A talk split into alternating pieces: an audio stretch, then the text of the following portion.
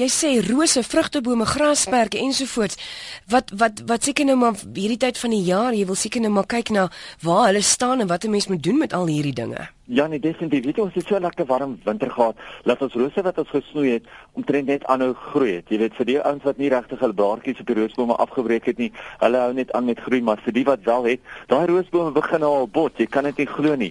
Met daai nuwe groei wat deurkom, kom natuurlik die plantlyse heel eers van alles. En dis wanneer 'n mens nou baie vinnig ietsie moet doen teen die plantlyse. En deesdae is daar soms produkte wat mense in die grond kan in water wat die plante absorbeer en dan natuurlik vir 6 maande of so in die plante hou sodat daai plantlyse nie vir jou probleem kan wees nie. En ek praat nou spesifiek van Kohinoor en natuurlik van Complete. Daai twee produkte kan 'n mens om jou rose in water en hy gaan skoon hou van enige suigende en vretende insek of dit nou jou dopluise is of dit jou plantluise is. Onthou kyk na Kohinoor of Complete is die twee name. 185 is natuurlik baie goed om nou ook om jou rose te gooi want soos jy rose nou begin uitloop gaan omtrent amper om dit begin blom en hulle moet nou hulle blomme begin vorm. So gooi nou 815 om al jou rose sodat jy hom sodat jy dit liggies kan inwater en dan natuurlik gaan hy help om 'n nuwe blomme te forceer. Vrugtebome, sodra jy vrugtebome begin bot, dan wil almal begin sprei. En weet jy dis eintlik hopeloos te vroeg. 'n Mens spuit nie jou vrugtebome teen vrugtevlee totdat jou vrugte self al omtrent so uh, albaster groot of so ontwikkel het nie. Dan begin 'n mens eintlik daarteen te spuit of jy gebruik natuurlik jou organiese insekdoder daarvoor. Maar kyk net uit na jou vrugtebome as hulle nou wel begin bot, voer hulle eerder nou en jy kan weer jou 58 dae gebruik of jy kan jou 315 dae gebruik. Onthou jou 315, daai 5 aan die einde is wat jou blomme en jou vrugte gaan maak. Dit is die kalium wat ons wil hê. So gebruik ietsie wat lekker hoog is in kalium, veral nou ook op jou vrugtebome.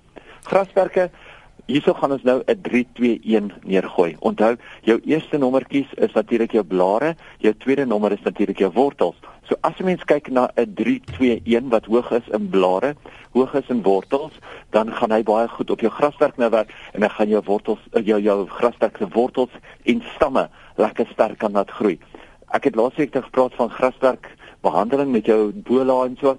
En nou vir 'n bietjie reën wat ons hier in die hoofveld gehad het, vir die ouens wat wel hulle grasperke gedoen het, daai reën het nou so goed gewerk want al daai kunsmis en al daai goedheid is al klaar in die grond ingewas en jou gras begin nou lekker vinnig deurgroei.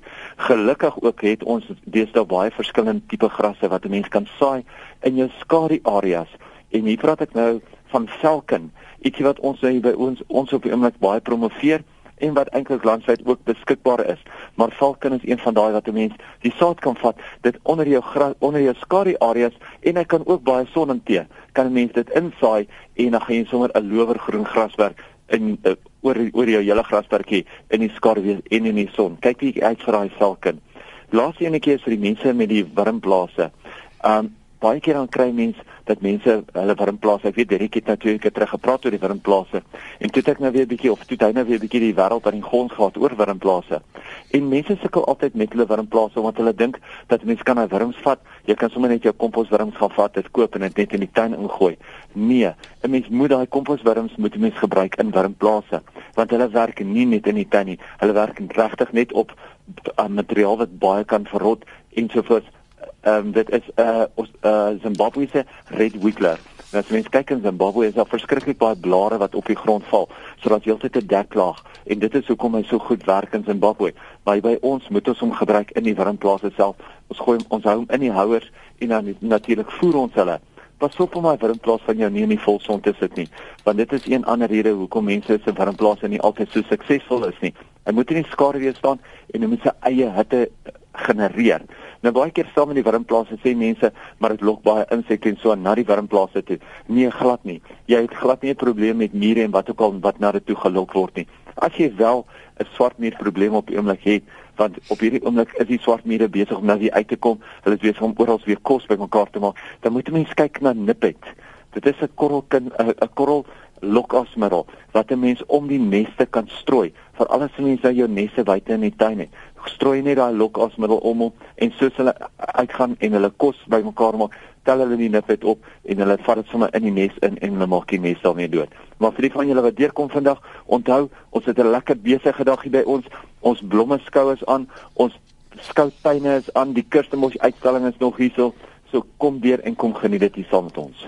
Baie dankie JJ en ek sal nou nou vir jou luister. Ek sou ook jou kontakbesonderhede vir die mense gee en geniet die oggend saam met Derrick en die gaste.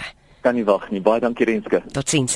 JJ van Rensburg se e-posadres vir enige tuinverwante navrae is JJ of JJ as ons mooi Afrikaans wil wees at of by gardenworld.co.za. JJ JJ by gardenworld.co.za en dan kan jy ook na gardenworld.co.za gaan vir meer inligting.